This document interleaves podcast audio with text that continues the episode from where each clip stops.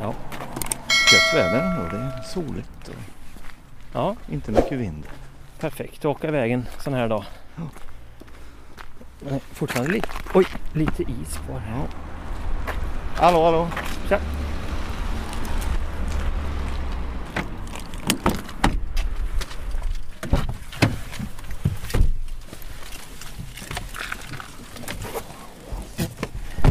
Vi lägger det här. Du vet att jag hade ju tänkt att eh, beställa ett par skivor häromdagen. Men det, då tänkte jag att jag väntar ju med det. Ja, du kanske handlar idag menar du eller? Om det är möjligt så kanske det är roligare att handla något över disk. Det är ju så sällan.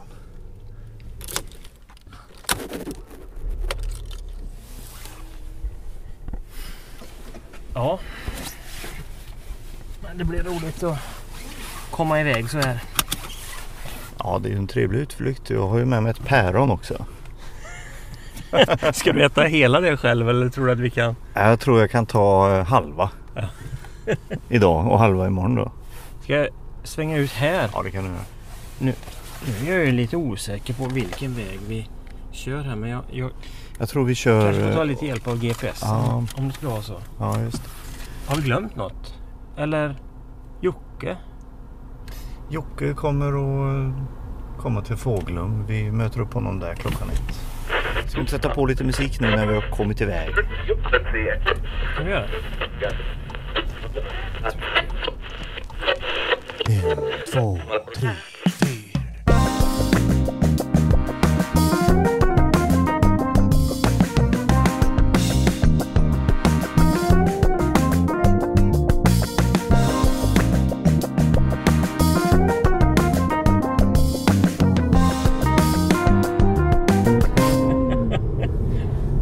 Tabbe, där lämnade vi precis eh, kommungränsen. Nu har vi åkt ur Trollhättans kommun och på väg mot...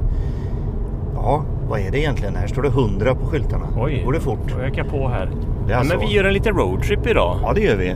I musikens namn och det kommer vi säkert att göra fler i, i programmet här, i podden, i Precis. framtiden. Vi får väl börja med att säga hej och välkomna till våran lilla musikpodd som vi kallar för En, två, tre, fyr. Precis. Det, och det är ju en liten podd om första versen, den Ja. sista refrängen. Och allt däremellan. Precis. Så är det ju. och eh, vi pratar ju musik i alla dess former och alla olika musikaliska uttryck och eh, utforskar. Vi, vi snackar och försöker lära varann. Inspirera varann. Ta gärna in gäster och lyssna på ny och gammal musik. Ja, All musik. vi hade ju ett avsnitt här jag vet inte, ni som inte har lyssnat på vårt förra avsnitt tycker jag att ni kan göra det för eh, det var ett intressant samtal som vi hade med eh, syntbandet D-Point. Robert Fidell och Peter Andersson från Trollhättan som har D-Point, det här bandet, sedan väldigt många år. Och eh, vi fick oss, kan man väl säga, en eh, lektion nästan. Det var ibland en, som en föreläsning och ibland ett mycket varmt prat om eh, musik på olika sätt. Men det utgick ju ifrån syntmusik och elektronisk musik. Så synt pratade vi. Och det började ju eh, redan eh, ifrån 1910 tror jag de hade lite referenser och framåt. Vi försökte väl gå i någon slags kronologisk ordning och de lärde oss en massa och jag tror att vi lärde dem något också där. Det kanske blir en och annan liten uh, aha-upplevelse där också. Men eh, det vi är på väg mot nu är ju någonting, eh, en fysisk plats som vi tar oss till med bilen här idag. Det är jag, Thomas och Torbjörn här som kör då. Eh, så ska vi möta upp Jocke på den här platsen och det är ju Fåglum, den lilla orten Fåglum. Där en av, kan man väl säga, landets eh, största skivbutiker ligger. Som ju är baserad på nätet. Alltså det är många som beställer därifrån och den heter ju ginsa.se. Men vi tänkte åka dit på plats och göra ett litet nedslag kan man väl säga. Ett litet studiebesök och ställa lite frågor för vi är lite nyfikna på skivbranschen. Otroligt små hästar! Oj jösses. Herregud. Va? Det kan inte varit några vanliga ponnys. Nej, det, det, det, var inga, det var inga riktiga. Såg du inte det? De rörde sig inte. Det kanske var en filminspelning. Men här har vi kajer i naturlig storlek, i alla fall normal storlek. Då, då vet jag att jag inte har blivit galen. Oj, här kommer en fartkamera också. Nu får man passa sig Oj så man inte... Elaka maskiner. Men vi ska alltså till Fåglum och göra ett reportage och undersöka lite grann hur det går till bakom och framför kulisserna i en så pass stor och väletablerad skivbutik som ju faktiskt Ginsa är. Lite hur det startade, lite grann om hur det ser ut just nu och de senaste åren hur det har varit med musikutvecklingen i fysiskt format för det är det det handlar om i en skivbutik då. Och sen eh, såklart lite framtidsspaning kanske och hoppas att få jag hoppas att få bläddra lite grann också och Jag skulle titta lite grann i hyllorna. Va? Precis säga det. Ja, det vill man ju. Det är så roligt att bläddra i skivor. Det, det, det är en högtidsstund. Men jag brukar alltid bli lite stressad. Ja, så här, men- Och så här... Och jag måste prestera på något sätt. Jag måste... När man har ett val, vad ska man välja? Om man ska köpa någonting, Och då menar man vad väljer man bort? som förr i skiv när vi gick in på Trestads musik en fredag ofta var det ju. Ska man unna sig en fullpris-CD. För det var ju mycket CD då fortfarande. På som 90-talet? såldes. Ja, 90 början på 2000 där. Ja. Och så knatade vi in där. Eh, bläddrade runt. Hade man kanske en lunch, alltså någon timme på sig. Och kände ändå pressen mer och mer att jag behöver ju hitta en. Jag behöver hitta en jag vill ha. Det hade ju kommit några nyheter. Varje fredag var det alltid något, något nytt som hade kommit. Men ibland var det ju fredagar där det inte var så mycket som lockade. Nej, men jag måste hitta en, jag måste välja en av alla de här. Det måste jag ju förstås inte, men jag hade ju lagt upp den förväntan på mig själv då. Va? Tänk vilka Och, och ilandsproblem. ibland så blev det ju inte alls det som man kanske hade Nej. siktet på när man gick dit. Man hade en idé om att den här skivan vill jag ha. Och sen så hittar man något annat. Och, Ja. så, och, då, och det är man ju jättenöjd med och blir jätteglad över. Men sen när man kommer hem med den så kanske man samtidigt är lite besviken över att man har valt bort det som man tänkte från början. Ja, eller att man inte vet eller visste då vilken skiva man vill ha. Men en fullpris-CD, just den här grejen att unna sig. Det, det vill, nu vill jag ha en fullpris-CD för det var ju ofta man köpte kanske ja, 79, 69 kronors skivor och det är ju kanonplattor också. Det var ju, fanns ju hur mycket bra som helst i den prisklassen. Men just den här grejen, en ny skiva. Och så visste man kanske inte innan vilken det var man ville ha. Eller att man visste och den inte fanns också då. Mm. Och då kan det ju ha blivit sådär som du säger att man kom hem med något annat. Det finns några sådana skivor som man har valt bort av någon anledning. Som man försökt, försöker köpa på sig nu i efterhand. Ja, Men då, å andra sidan kanske man väljer bort något annat nu. det gör man ju alltid. När man väljer något väljer man ju bort en massa. Ja, Men eh, jag kommer ihåg, eh, eller kommer ihåg, det var ju så på den tiden också när CD kom. Vi, vi kan säga slutet på 80, början på 90 där då. När eh, det köptes en hel del skivor och det kändes lyxigt att köpa CD-skivor. Vi köpte ju också parallellt i och för sig med CD-skivor nya då. Eh, nere på Mynt och Musik eller Mynthandeln som Ja. det hette i folkmun. just det. Eh, hos, hos Reine som hade butiken där. Vi var ju stammisar flera gånger om dagen ibland. Som om man raderar minnet en kvart efter man har varit där och går ner. Jag kollar igen. Vissa dagar. Men eh, ibland fick han ju in partier. Och eh, det, det var ju som det var ju som rena, ja man säger godisbutiken. Men det var, det var verkligen helt som en dröm. Kanske var 200 skivor med bara musik som, ja, men, som jag gillade. Poprock och, och allt möjligt ifrån eh, alla tider som, som eh, kanske hårdrock och punk också och sånt. Som fanns där gömda kunde man inte köpa alla men det jag ville komma till, vi köpte ju vinyler parallellt där då. Men sen, och då var det ju så att man unnade sig skivor på CD som man hade på vinyl sen tidigare. Lite lyxigare. Ja. Och få den på CD tyckte Visst. man. Och nu är det tvärtom. Nu köper man ju upp dem man unnade sig på CD då. Om man hade dem på LP innan eller inte. Men nu köper man ju upp dem man inte hade på LP innan. Som man köpte på CD som ändå är skivor man lyssnar på mycket Mm. kanske. Men märkligt nog lyssnar man på dem digitalt oftare än på vinyl. Ja, I alla fall jag. ja. Ja, nej, men det, det, det är ju väldigt lätt, lättvindigt att lyssna digitalt. Speciellt idag Oh ja. med streamingen och sådär. och Bara slå på och du väljer ordning och shufflar och någon sån här eh, färdig mix som överraskar en. Ja, du lyssnar ju hemma och du lyssnar ju när du kanske kör bil och när du går eller på jobbet en sväng om du om det lockar att lyssna på lite musik när man sitter och skriver till exempel, vad vet jag. Nej men just det där att du lyssnar överallt när du vill. Nu låter det som att vi just har upptäckt MP3-spelaren eller bärbara CDn. jag hade en bärbar CD-spelare. Hade du det? Jag hade minidisk också. Jag hade aldrig det. Jag, jag körde ju ända till slutet så körde jag ju med min Sony Walkman kassettbandspelare. Vilket slut? Du syftar på Walkman-slutet? Ja, Walkman-slutet. när, när de inte de var så hippa längre. Men Ja. jag tror faktiskt min funkar. Jag har den hemma. Jag tror den funkar fortfarande. Och den var ändå lite high-tech. Jag köpte den i USA när jag var där i början på 90-talet. Och det var en sån här fräck som, som kunde vända sida automatiskt. Och, Oj. Ja. Man kunde spola till nästa låt för den kände det väl av på något sätt då att det blev om, man, om det då var ett mellanrum. Om man inte hade spelat in sitt blandband som gjorde att alla låtar satt ihop. Vilket eller- kaos för en high-tech-maskin Ja, att förstå det. Var ska jag byta? Vad? Här åker vi nu ja. Det, det är rätt eller? ja, det, just det. Ja, precis. Det här, podden är ju inte så vana att eh, sända utanför Trollhättan. Men det gör vi idag se. Ja, Nu sitter vi i bilen och vi rullar framåt här.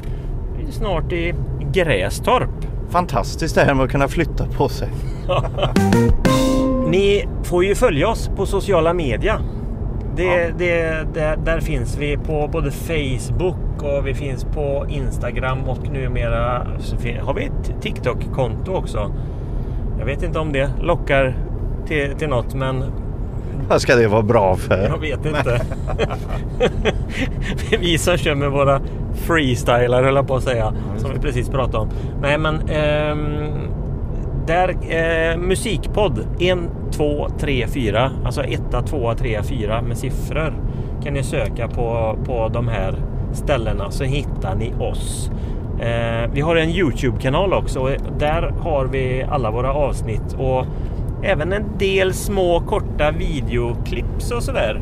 Eh, vi sänder ju inte hela avsnitten så här eh, i videoformat så att ni kan se allting. Men eh, det kan finnas små korta sekvenser som ni kan få kika. Och nu fick Thomas en idé här helt plötsligt. Då drar han upp en videokamera här. Det var inte meningen du skulle se.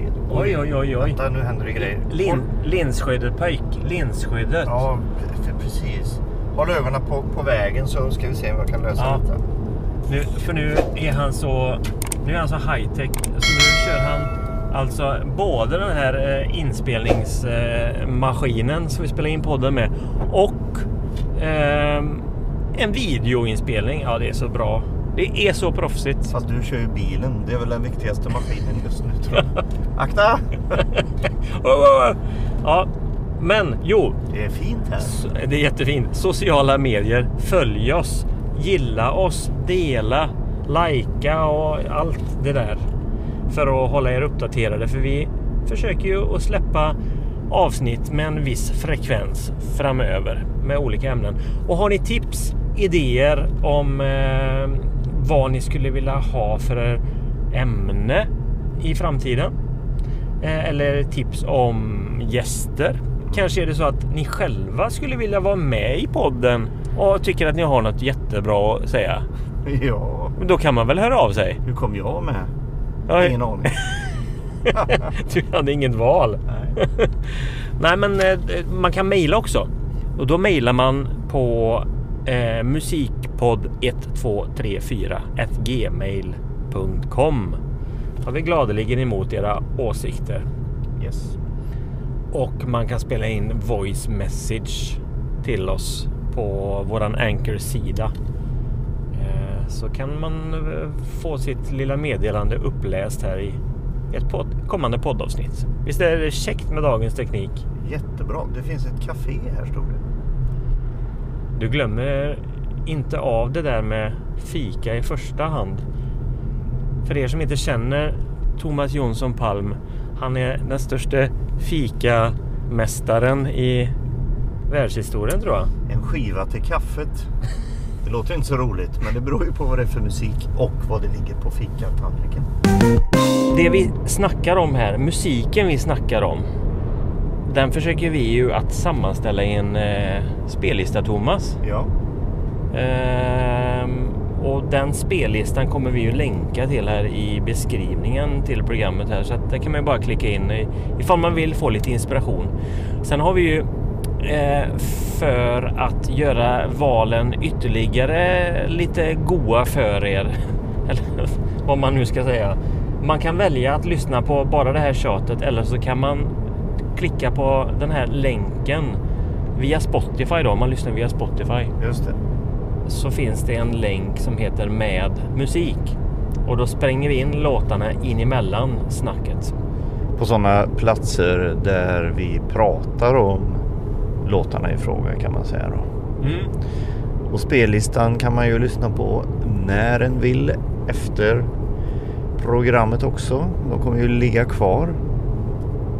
Eller hur? Det är, det är, en ja, absolut. Det är en ganska rolig. Jag har gjort det när jag varit ute och åkt bil precis som jag gör nu. Så här att jag har slängt på en av de där spellistorna från ett visst avsnitt och det blir en ganska trevlig blandning som kan inspirera. Så äh, tips till er. Kolla in spellistorna.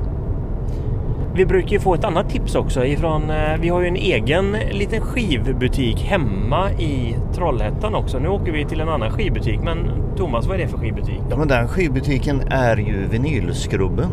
Vinylskrubben säljer ju framförallt vinyl men det finns också lite CD-skivor där inne om man vill locka en bredare publik.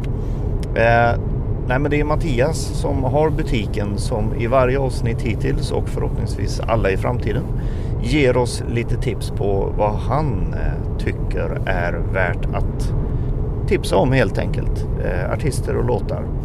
Och det är ett stående inslag i våran podd här i varje avsnitt så bjuds Mattias in och lämna ett eller ett par tips helt enkelt till oss i vår avdelning Vinylskrubben tipsar. Jag tycker vi lämnar över till Mattias.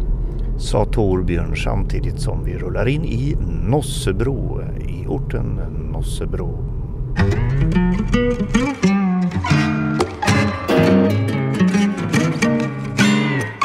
Vinylskrubben. tipsar.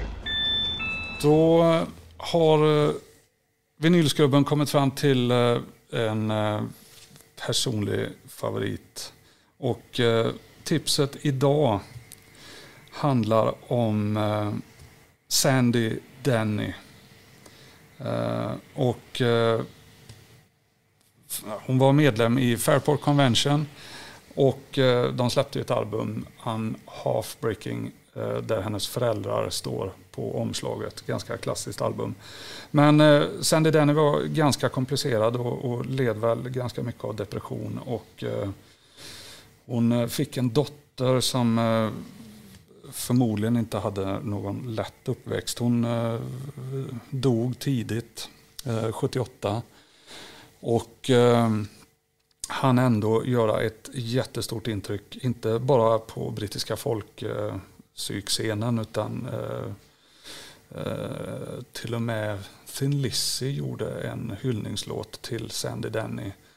Och eh, en liten rolig anekdot är att eh, på Led Zeppelins eh, fjärde album så eh, kan man höra en duett med Sandy Denny.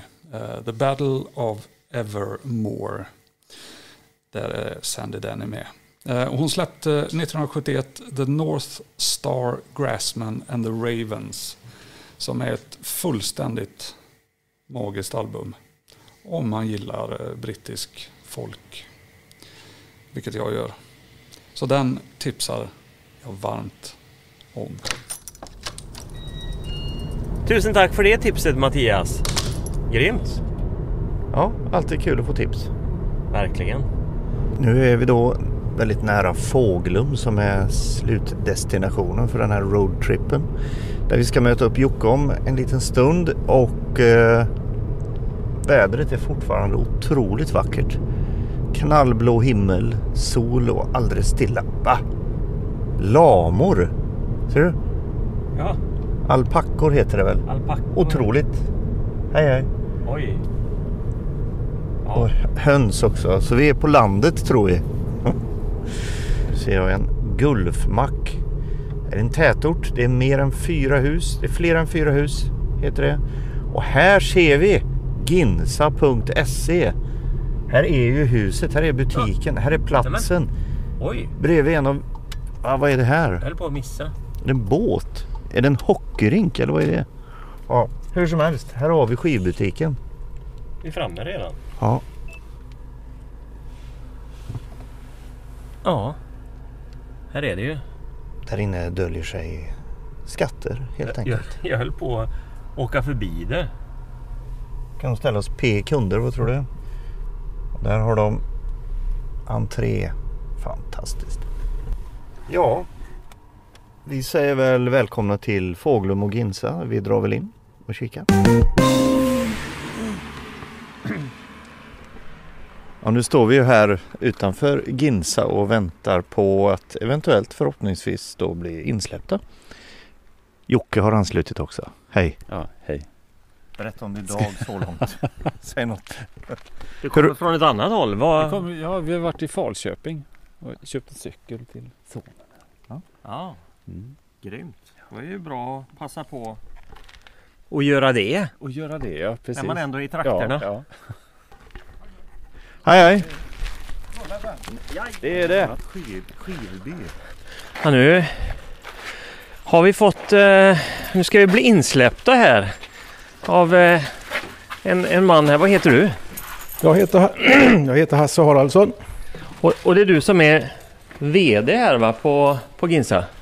Jag titlar är inte så noga för mig men jag, jag äger det här i alla fall. Startade 68 så det är 54 år nu, med, nu som jag håller på med det här. Oj, det är kul, kultur verkligen det här att komma in i de här lokalerna. Ja, kanske. Just eh, där vi befinner oss nu då så är det här är byggt 74. Eh, 68 startade jag det här på hemma med ett pojkrum i huset intill här. Eh, och sen 64 byggde vi det här första då. Och eh, hela Ginsa var egentligen det här rummet. Det var inte större. Det var kombinerat kontor, butik, stereoapparater på den väggen. Ett litet lager innanför. Ett rum och kök som jag bodde i. Nära till jobbet. Vad häftigt! Vad, vad kommer det sig att du startade här? Är det av rent di, ditt egna intresse eller hur? Ja, jag är ju uppväxt på 60-talet då. Då kom ju allt. Det här med Beatles och Rolling Stones. Eh, ja, hela den brittiska popvågen och även den amerikanska och svenska. Eh, så att jag hade, när jag var 18 år så hade jag ja, ett par hundra skivor ungefär, LP. Och eh, skulle ta körkort. Tänkte jag att eftersom jag hade både kassettdäck och eh, rullbandspelare hade det mesta inspelat tänkte jag kanske, kanske kan sälja halva samlingen i alla fall för att få ihop till en del av körkortet. Så att jag annonserade i några veckotidningar, sådana här radannonser som det fanns på den tiden. Och eh, ja, det gick så bra så att jag sålde de här hundra och även de hundra jag hade tänkt behålla. Så att jag fick ihop nästan hela körkortet. 1900 tror jag fick ihop och körkortet kostade 2 3. Och sen hade jag då några hundra adresser som jag tänkte att ja, är man skaraborgare så kastar man ju inte bort dem utan man tänker det kanske kan vara bra att ha. Och så jag köpte en spritduplikator som man vevade. Eh, tryckte upp lite, lister. Eh, hade tagit kontakt med en grossist på skivor och eh, ja, skickade ut det här. Och det började komma in beställningar på det. Till min stora förvåning. Och sen rullade det på. Så att jag gick färdigt gymnasiet, jag gjorde militärtjänst. Eh, jag jobbade i en butik i Alingsås ett tag. Eh, min stora, eh, mitt stora mål var ju att, ha en egen skivbutik då. Så att i Lidköping på Östergatan 23 hittade jag en liten lokal och drog igång där i början på 74. Pendlade då varje dag, det är sex mil dit och sex mil hem, sex dagar i veckan. Hem och träna fotboll och packa postorder. Men efter ett, ett år ungefär så tyckte jag att det här var ju inte så glamoröst som jag hade tänkt mig. Så att då flyttade jag hem verksamheten till eh, mina föräldrars garage och så fick jag hjälp av en morbror och min pappa och så byggde vi första här då 77 kvadratmeter. Det är fantastiskt för, för det här mitt ute i Fåglum liksom på landsbygden så där, det är inte det självklara valet för en skivbutik kanske? Nej men det var ju postorder i första hand då. Sen hade vi öppet fredag lördag även för försäljning över disk. Men att eh, ja, här, så här i efterhand ser jag ju att det här var, har varit jättebra för att det har varit lätt att bygga ut och enkelt. Hade vi varit i ett industriområde någonstans så hade vi fått flyttat och flyttat och ja, det hade inte blivit alls detsamma. Jag ser ju redan här på väggarna hur det pryds av skivor och foton och teckningar och allt möjligt här som det har blivit en del genom åren gissar jag, dekorationer. Ja, som klär miljön. Ja, det var inte min eh, ja, en del är Ginsas och en del är väl eh, kollegor och Per Winberg som eh, har jobbat här också då. Eh, per och jag, vi, han, han är Skarapojke från början, lite yngre än mig då men eh, började sin bana hos Bert Karlsson i Skara. Sen gick han vidare till EMI och eh, Virgin i Stockholm. Och så när, eh, vad heter de? Drängarna. Ja, ja. Och då ringde han upp mig. Och det brukar alltid vara när någon från skivbolagen i Stockholm så pratar de antingen stockholmska eller eh, norrländska då för att det är nedflyttade norrlänningar. Men det här pratar västgötska. Och vi fann varandra ganska snabbt att vi tyckte ungefär lika om mångt och mycket. Och sen hade vi den här kontakten under många år. Och, eh, när han eh, flyttade här hemåt till, han bosatte sig i Falköping för en 10-12 år sedan så började han jobba här. Och eh, då hade han gjort en hel del egna utgåvor. Bland annat så hade han gjort en samlingsskiva här med Roy Orbison. Och han fick tag på låtar då, både tidiga inspelningar och de senaste som Jeff Lynne hade producerat. Eh, på den tiden så gjorde ju skivbolagen eh, tv-reklam. Och eh, var det ett dansband som var med i Bingolotto så räckte det att de körde en, en spot i varje paus så hade man sålt ja, 30-40 tusen så var det guldskiva. Eh, men de flesta gjorde ju som så att de släppte sina skivor här under ja, framåt jul, då, mot november och lite, lite grann i början på december. Och sen tog man en paus till slutet på januari för då räknade man med att folk hade stad kassa igen och sådär. Men Per tänkte lite annorlunda så att juldagen eh, 26, nej, annandag jul 26 december 99 körde han igång sin tv-reklam på den här. Och då fanns ju det ingen annan som hade något reklam på TV4 vad det gäller album eller musik. Så att eh, den här är en platina då, så den sålde 80, 80 000 då på ett par månader. Det var fantastiskt på den tiden. Otroligt. Och, ja, och då fick jag ett ex också av den här som vi hade varit delaktiga. Sålt några tusen i alla fall och att eh, ja, vi kände varandra sådär då. Mm. Efter ett tag så kom vi på det att eh, framförallt dansbanden var ju lite sedda som något som de stora bolagen inte ville ha. Eh, och eh, då när de flesta blev utslängda från skivbolagen så hörde de av sig till Per om vad ska vi göra för att kunna få ut vår nya skiva då. Och då hade jag ett skivbolag som hette Atensia som hade gett ut lite melodisk rock tidigare. Eh, så sa att vi kanske kan köra igång det igen. Så att då började vi ge ut lite plattor själva på det sättet. Och då var det oftast att banden själva sålde ju några tusen. Och då var det lönsamt. Idag så fungerar det inte lika bra med fysiska produkter då. Men eh, vi körde igång det här och eh, Lasse Sigfrid som var en av de första som tog kontakt med oss. Han var ju, spelade ju bas och sjöng lite grann i Lasse Stefans. Och sen blev vi de ovänner där och eh, då kom han hit och ville göra en, en soloplatta. Och vi var ju lite tveksamma. Visst. Lasse Stefans det, var ju, det är ju Olle Jönsson egentligen. Det, det är ju han som förknippas med det. Då. Men vi gav ut den här och han var ute och spelade och sålde själv. Så att eh, vi sålde 10 000 ganska snabbt. Och eh, då Då ringde väl Bert Karlsson och pratade med Per om någonting. Då sa Per att ja, det har gått jättebra, jag har sålt 10 000. Och då ringer Bert till Lasse Stefans och säger att vet ni det att Lasse Sifridsson har sålt 20 000 redan, han har sålt guld redan. och då blev ju Olle så sur. För då ville han göra en egen platta och det fick han inte för de andra. Så det var ju då han hoppade av. De fick ju pausa bandet. Thomas Dyrken lyckas på några veckor och gjuta olja på vågorna där igen. Då. Men sedan han fortsatte att sälja den här skivan så att det tog väl två år men, men eh, det var vår första och enda guldskiva så var det en Lasse Sigfridsson. Den sålde faktiskt 20 000.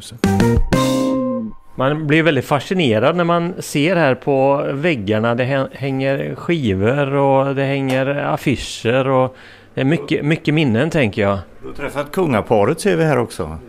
2008 när vi hade firat vårt 40-årsjubileum så var de på besök i Essunga kommun. Så att de var här och eh, åt kunglig lunch. Gick på, precis som ni gick på lite sightseeing här. Vad har kungen och Silvia för musiksmak tror du? Då? Sa de något om det? Nej, det gjorde de inte. Utan, eh, det, de tittade lite grann på verksamheten och sådär. Och, ja, eh, kungen var väl, ja, de, de, de, är ju spontant intresserade av det som händer och så. Då, så att, eh, eh en del uppdrag blir de väl påtvingade och sådär men att eh, det, det upplevdes som att de tyckte att det var, ja, det var lite annorlunda här och sen var dessutom eh, Erik Fåglum var här också då och hade blivit inbjuden för att eh, han är ju i den åldern, till och med lite äldre än mig då, som känner till Fåglum och Fåglumbröderna i cykel. Så att eh, Erik var med här också. Då. Mm.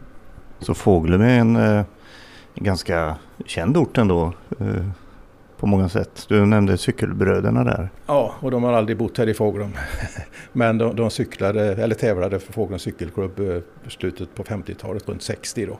Och blev eh, DM-mästare och svenska mästare tror jag. Och sen var det efter en tävling som hade varit här så ringde Lars-Gunnar Björklund, han var på Radiosporten då och eh, frågade hur det hade gått för de här bröderna här. Och då svarade han som tog telefon här att ja, du menar de här Fågelundbröderna. Och så nämnde Lars-Gunnar det i sändningen sen då efter det så fick de heta Fågelundbröderna då. Så att de har tagit efternamnet Fågelum allihopa utom Gösta då som var den stora stjärnan. Han, ja, som de, Erik sa att det var ingen som skickade in det åt honom. Det här med olika genrer och så då, hur har det liksom hur har det växt och breddats genom åren? Vad, vad hände sen när det blev 70, 80 och 90-tal och så vidare? Då? Jag tänker när vi är bara i det här lilla rummet så är det ju väldigt många genrer representerade och det är signerade skivor och omslag och allt möjligt. Ja, popmusiken är ju det som har varit det stora hela tiden.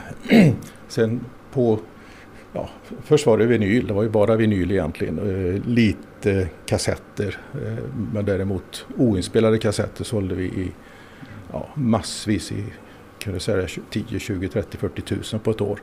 Och det var ju inte så populärt då bland skivbolagen. Så att de fick ju till en skatt på kassettband. Och sen fick de även på videoband och VHS. Men sen kom ju CDn och, och DVDn. Eh, som egentligen var det optimala för oss för att då hade vi det var ju det som var, det blev mycket pengar i det. Det fanns inte så mycket billigt på den tiden utan det var fullpris något på 99 då. Men det var ju litet, lätt att plocka, lätt att skicka, billigt, mm. billigt att skicka då. Eh, och ja, vi tiodubblade vår omsättning då på, kan det ha varit, var det slutet på 90-talet och framåt. Eh, och sen, eh, ja, då hade vi en omsättning på 330 miljoner tror jag. Det var som mest, allra mest. Oj, oj. Och internet när det började falla in ja, på riktigt i samhället måste ju betytt en del. Det också då plus att vi gick, vi la mellan 5 och 10 000 på marknadsföring eller tv-reklam varje år då och det, det gjorde ju sitt till. Sen att det inte blev så mycket över i slutändan det var en annan sak kanske men jag var väl mer alla frågade om jag är entreprenör. Jag sa att jag var mer en entusiast egentligen. Att det, det var kul att sälja väldigt mycket. Och så blev det då. Men att, eh, vår första hemsida den var, det var en färgbild och så var det, fanns det mejlfunktion då så att man kunde skicka en order på mejl till oss. Det var det hela.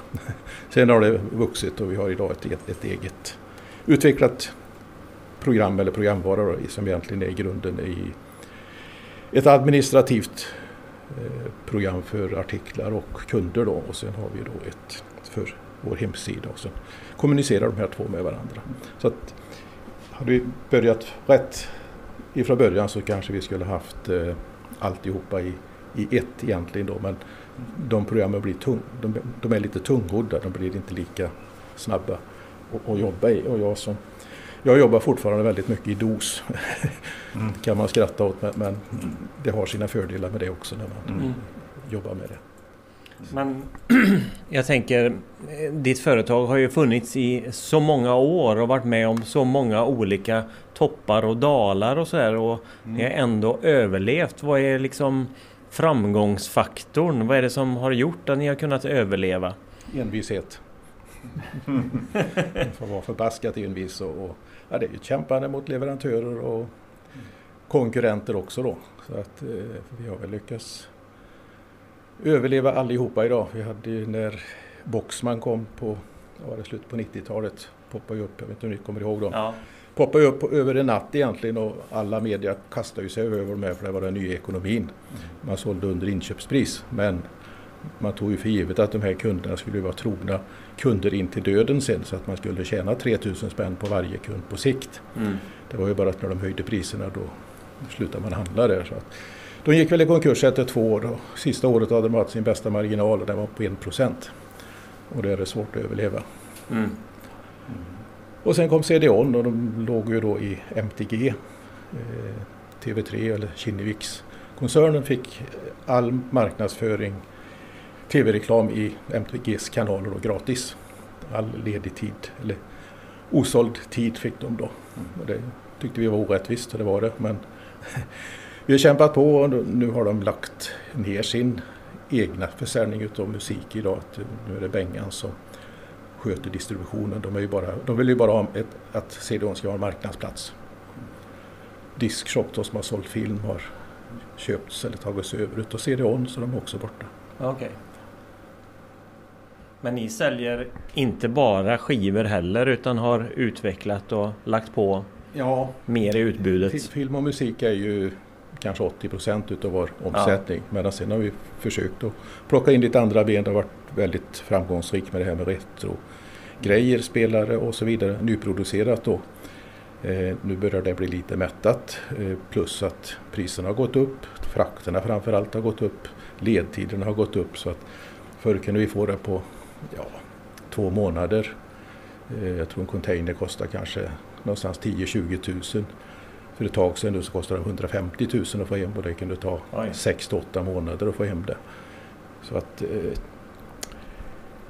och det har inte blivit bättre utav Ukraina-krisen heller. Så att, eh, Nej. Det, vi, men vi har, vi har bra leverantörer både i Sverige och i England. Annars på skivsidan så har ju det förändrats på det sättet att de stora majorbolagen byggde ju, ja, kan det vara, 20 år sedan, 25, ett stort lager i Borås. Mm. Det var jättebra för våran del för att skicka vi in en order på klockan före 11 på dagen så klockan åtta dagen efter så hade vi bilen står här utanför. Mm. Nu har man flyttat så man har sina lager i, i Tyskland, Frankrike, Tjeckien, Holland någon har i Danmark också. Då. Så att Warner till exempel som har i Tyskland de levererar bara ut måndagar och torsdagar så det är två dagar efter det. Så att eh, det har försämrats kraftigt. Sen köper inte folk på samma sätt heller. Att toppsäljarna här kan vi ta hem lite mer utav men, men annars så är det 90 procent utav det vi beställer hem det är ett, ett ex utav varje. Vad är det ni säljer mest av idag? Vinylen har ju gjort en, gjort en comeback och, och sådär. Men är det det som går mest eller är det något annat? Nej, vinylen ja, den var ju stendöd för fem år sedan. Då, då la ju de här som press, presserierna la ju ner sin verksamhet och sådär då. Men eh, idag är det väl en tredjedel ungefär utav den fysiska försäljningen då och det har hållit sig där. Sen är ju problemet med ledtiderna för produktion att eh, mm. nyheter kan man väl fixa till kanske på ett par månader men vill man ha en gammal Beatles eller Zeppelin-skiva eller någonting så kan det dröja ja, 6, 8, 9 månader. Och det, då, det kommer ganska långt ner.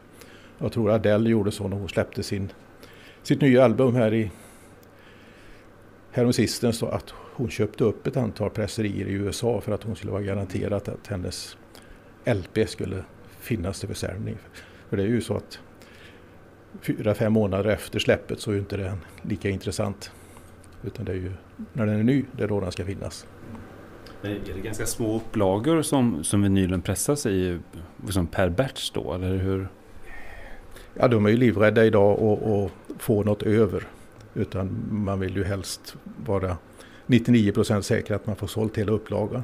Och så är det då en världsrelease så är det jättesvårt att veta hur mycket säljer den i USA, hur mycket säljer den i England, hur mycket säljer den i Europa och så vidare. Då. Så att, eh, så jag säger som det de har det inte lätt för att veta det här egentligen. Och då får vi ett mejl ifrån skivbolagen och säger att ja, nu om fyra månader så kommer en ny skiva med den och den artisten. Hur, hur många CD och LP tror du att du säljer?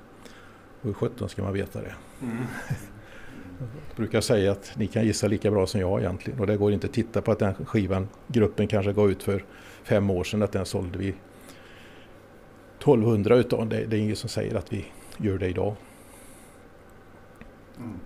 Eh, jag märker ju, jag tittar ju runt en del på ja, andrahandsmarknader och sånt där också. Man samlar vinyl och sådär. Men då är det ju ofta originalpressar och alltihopa och det som inkluderas i skivan och tryck. All, alla de där faktorerna. Men alldeles nyligen så har det väl blivit just av den här anledningen att det är så sådana köer och så svårt att få pressade nya versioner av klassiska plattor också som kanske kom för 30 år sedan. Då blir de rariteter från den senaste pressen också för att de finns inte att få tag i just nu. Nej. Det är en underlig utveckling också kan jag tycka för då är det de... Men det är väl som antikviteter och sånt också ja. att har du, hittar du något riktigt gammalt i väldigt bra skick då, då har ju det ett värde. Men det gäller att veta köparen till också om du ska sälja det visserligen men att men just nu att det är de nya pressarna som gjordes kanske förra, förra utgåvan eh, är, är slut.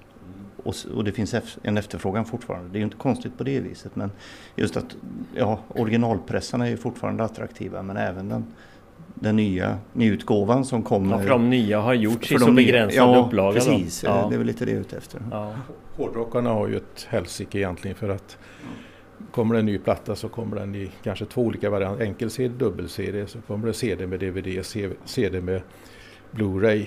Och så har du en vanlig svart LP och så kanske du har en dubbel svart LP och så har du en i två eller tre olika färger. Och allt är, inte allt, men vinylerna i regel, åtminstone de färgade, är ju limiterade då. Så att Ghost till exempel, de är ju ja. mästare på det här att eh, rätt vad det är så, ja nu, nu får ni 500 till utav en färg som ni är ensamma om och så säljer de och sen går det några månader så kommer det en färg till och så vidare. Så att, eh, ja, det, det, är nästan att det är på gränsen alltså. Jag som är stort Beatles-fan, jag är med om det också. Jag tänkte som nu senast när Paul McCartney släppte sin eh, senaste platta, McCartney 3. Mm. Det var också flera olika färgade upplagor och väldigt begränsade. Det var någon gul med svarta prickar på och sådär som är helt omöjlig att få tag på. De är svindyra. Ja, så vi fick in nu från köpte lite grann från England på Overstock där då att eh, CDn fanns även med ett lite blåaktigt omslag också. Det kanske vi kan gå och bläddra lite i här sen.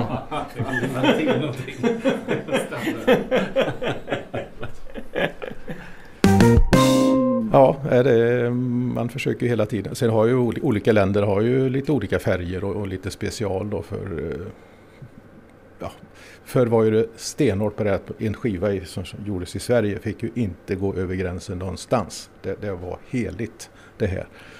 Eh, för man var, mest var, det var ju dumheter egentligen att man var rädd för lite konkurrens sig emellan och att det berodde på valutan många gånger. Va? Så att det fick man skriva på avtal att man fick inte exportera. Mm. Så skivbolagen har varit, ja, de har varit riktiga diktatorer. Alltså det, jag är lite nyfiken på, på det här med lite, lite mindre upplagor. Jag kommer ihåg när på 80-talet så, så kunde man beställa eh, från er en ja, en liten katalog. Ehm, och jag tror också det har... Den har ni kvar än va? Ja. Ja, den är kvar. Eh, och- så beställde man eh, lite Japanpressningar av bland annat Beatles och, och bildskivor. Och nu i efterhand så blir man lite nyfiken. Hur, hur, hur gick det till att, att Japanpressat material hamnade i Fåglum? Det, var väl, det var väldigt länge sedan. Ja. Ja, eh, jag gillar ju en amerikansk instrument, en instrumentalgrupp som heter The Ventures. Eh, nu dog den sista medlemmen Don Wilson här i januari så att, men de, de spelar fortfarande fast med nya medlemmar. Eh, och då var jag med i deras fanclub i Malung. Fanns det. Och eh, Ventures var väldigt populära i Japan. För de har alltid gillat det här med japansk musik, eller instrumental gitarrmusik då. Och då hade de spelat in ett antal LP med japanska slager som man gjorde instrumentalt då. Och de här fanns ju inte i Sverige så att då kunde man köpa dem för ganska dyra pengar men genom eh, eh, fanklubben. Och då, jag kommer inte ihåg den med Beatles men jag gissar att det var den vägen vi fick hem några stycken utav dem också där då i så fall. Men eh, bland annat så hade var det en, en av de här skivorna som hade en låt som heter Ginsa Lights. Därifrån kommer namnet. Ja. Jaha, för det var en kommande fråga här. Det var lite intressant att veta. Vad hette låten? Ginsa Lights? ja, det gjorde den. Eh, och då hade jag inte en susning om vad Ginsa var för någonting i, i Japan. Men eh, jag hade öppnat butiken här så kom det in en stamanställd militär från F7 i, i Såtenäs här och undrade vad det här hade med Japan att göra. För han sa att eh, det, Ginza är Japans största eh, det, affärsgata och nöjesgata. Och där har jag gått många gånger sa han.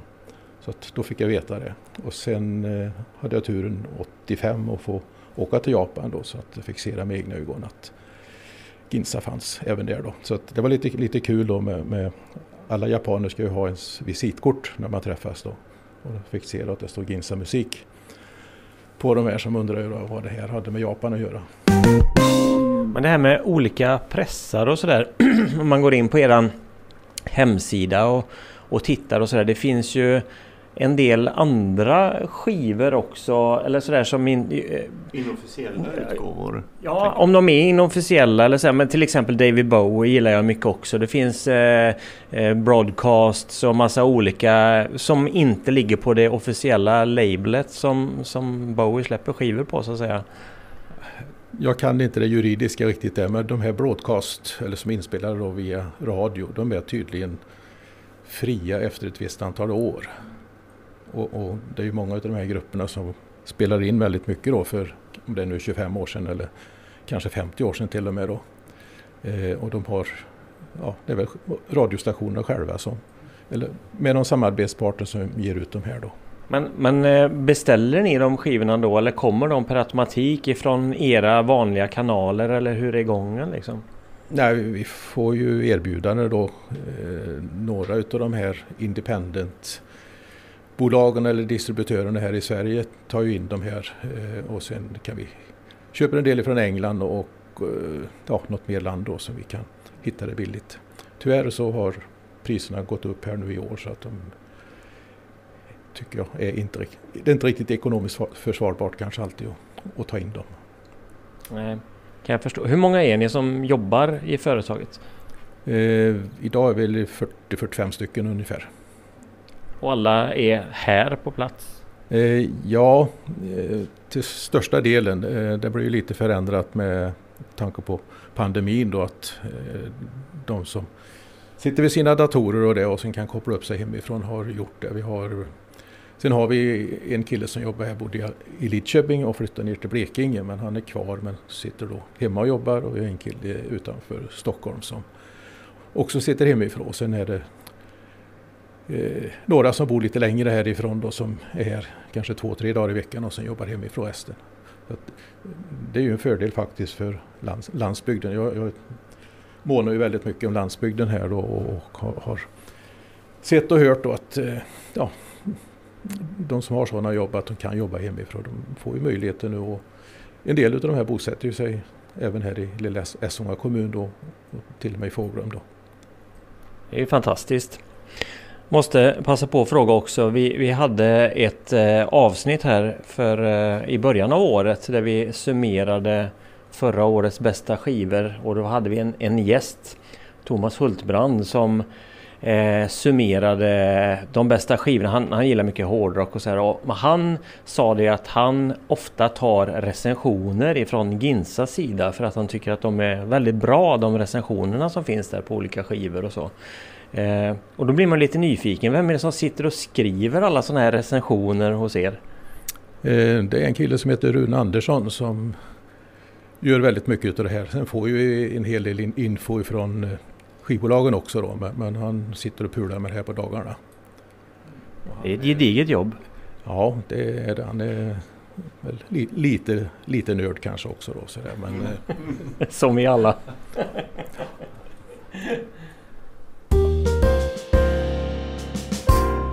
Vi eh, går vidare här, får vi se vad Hasse visar. Jag, blev, jag var aldrig riktigt ledig egentligen. Jag kunde aldrig gå ut och sätta mig utanför här och läsa eller någonting. För då visste jag fem minuter så kommer det en bil. Och vi in och bläddrade en timme så köpte man en skiva så hade man tjänat åtta kronor den timmen. Och det så att eh, 78 så byggde jag ett eget hus lite längre upp på vägen. Egentligen hade jag vetat idag så hade jag byggt mycket längre bort. Men. Och så hade vi, tomten var så pass vi kunde bygga till så på det hållet och lika mycket på det hållet då. Då hade vi så pass ut till tomtgränsen. Och då, då tredubblade ytan. Och då blev det att skibutiken var i hela den här delen innan vi delade upp det i kontor. Då tänkte jag att har vi tredubblat ytan, då behöver vi aldrig mer bygga till för att eh, då ska det klara, klara sig då. Men det konstaterades efter ett par tre år redan att eh, det, var, det behövdes mer. Så att, eh, här är väl, ja. Toaletten är original 74. Det var så, så snygga tapeter på den tiden. Ja, visst. Skulle det vara färgat porslin. Ja. Och eh, här hade ett rum och kök. Också original i köket. Kylskåpet la av efter 48 år men annars, eller 44 år tror jag det var, annars så är det också original. Eh, nu är det fläktrum här inne där jag hade mitt, min, min det var min etta det här då. Ja, vad häftigt. När det, var, när det var snöstorm 70-talet eh, här så var det den enda som var här på jobbet och jag fick gå ut genom fönstret för att det var snödriva hit upp på ytterdörren. Vilka otroliga minnen och liksom nu går vi här på den här arbetsplatsen och sen har du haft eh, som en lägenhet här och bott här i begynnelsen. Ja, jag började från scratch. Riktigt, riktigt ordentligt. Ja. Sen när vi byggde till här då så hade, blev detta ett lager. In, innan vi gjorde kontor utav det och så var det vårt huvudlager kan vi säga här. Och då byggde vi på plats utav spånplattor för då var det bara LP som gällde på den tiden. Och sen fick vi, ja vi kan gå in och sätta oss sen och ta en fika kanske eller så. Mm -hmm. eh, ja, det gillar Thomas fika. Våra, du med vårt Atensia skivbolag då här. Eh, flesta av ut, utgivningarna vi har gjort. Så det har blivit några stycken under årens lopp. Och det här var något som vi bara skulle ha lite grann för skojs skull. Att vi skulle göra en, en, göra en ge ut en platta varannan månad eller något. Men det blir väl det blir betydligt mer. Finns det skivbolaget kvar också eller? Ja, det gör det. Så att eh, Per Winberg sköter detta helt och hållet, han och hans fru. Då. Så så första Ginsa ut då där som vi där det kom in förut. In förut. Ja, ja. Ja, ja, ja, ja, just det. Och sen byggdes det till på var sida då. Och sen var det ju en betesåker här utanför en laggård. Som jag köpte sen och rev den. Och så hade vi, vi plats att bygga vidare. Då. Eh, här var också lager en gång i tiden. Eh, sen blev det eh, vi hade ett öppet landskap här med, med kundtjänst. Och sen blev det, hade vi heltäckningsmatta här så det var ganska lugnt och tyst. Och sen var det populärt, skulle man riva ut alla heltäckningsmattor och gjorde vi det. Och då började ju det eka. Så såg butiken ut och det är också där, där vi kom in där uppe. Att det var hemmagjorda byggen och så var det backar som vi köpte väl på Ikea tror jag. Vi byggde, byggde till första gången och tredubbla ytan då, 82. Och, det. och så den delen vi är just nu, nu är vi i den delen. Den delen är kundtjänst. Och nästa tillbygge så var det parallellt på andra sidan här ute, den som byggdes till. Så att varje gång vi har byggt till så har vi dubblat eller tredubblat ytan. Då. Varje gång har jag trott att nu, nu räcker det. Men eh, jag, jag har ett fel varje gång. Hur många tillbyggen är det totalt? En, två, tre, det är väl tre, tre tror jag, eller om det är fyra, lite osäker.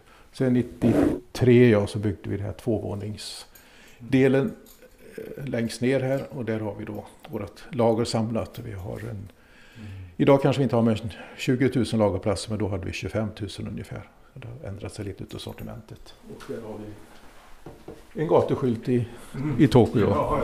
Ja, där har vi den från Tokyo ja. Ginza. Vad häftigt. Ja, det, det var det. Det var, det var ett annorlunda land. Väldigt fantastiska människor och det. Där har vi ljuddämpande tak och, och heltäckningsmatta. Så det är en helt annan miljö. Då. Vi satt eh, som mest här 16 stycken men vi har minskat ner det lite grann. Folk har blivit mera, eh, mera kunskap om att beställa via hemsidan. Eh, tidigare hade vi väldigt, väldigt många som både ringde och faxade framförallt. Vi fick ha, en period fick vi ha tre faxar här tror jag. Två för ingående eh, fax, papp, eller faxordrar och så en för att ha utgående. Då. Men eh, idag har vi den inte ens kvar. Utan Hur, hur For- länge for- levde faxen kvar? Dels för ja, tre år sedan eller någonting tror jag. Fast, eh, ja, fast då, då var det väldigt lite. Men ni tar fortfarande emot eh, telefonordrar? Ja, ja, det gör vi. det gör ni. Både telefon och, och brev. Så att det var ju räkna på det att det är 13 procent ungefär utav inkommande beställningar så är det den, Det är vä- den vägen. Då. Ja. Jag kommer ihåg eh, för många herrans år sedan så jobbade jag på Saab i Trollhättan, fabriken där. Eh, Och det var en sån här högtidsstund när det kom en ny Ginsa-katalog för då var det alltid någon som hade med sig den och så skickade man runt den på, på rasten för att liksom samköra en beställning så att man skulle få lite billigare porto och så här. satt man och kryssade i. Det var väldigt trevligt. ja, en period tror jag till och med att vi, om det var Börje Andersson, eh, som organiserade det här och la ut kataloger och sen eh, tog, tog in beställningar och sen körde vi dit ett lass helt enkelt. Med, vi hade bil och släpkärra då. Eh, men att det, det försvann sen. Min pappa körde det här och han krockade med det här så att eh, ja, han, han överlevde med nöd och näppe då men att sen blev det ingen, ingen fortsättning på det här riktigt då. Oh ja. Körde ni det till? Ja, plus att vi hade ju, vi har ju Tresas musik har ju varit Ja, vårat också då. Ja, så att det, dit körde vi också en del då. Ihop med detta. Men sen eh, vår första kund egentligen då det är ju Gösta Jonsson. Han bor väl i Vänersborg idag. Han bodde i Vargön i många år och jobbade på landstinget. Och han började redan, ja det var nog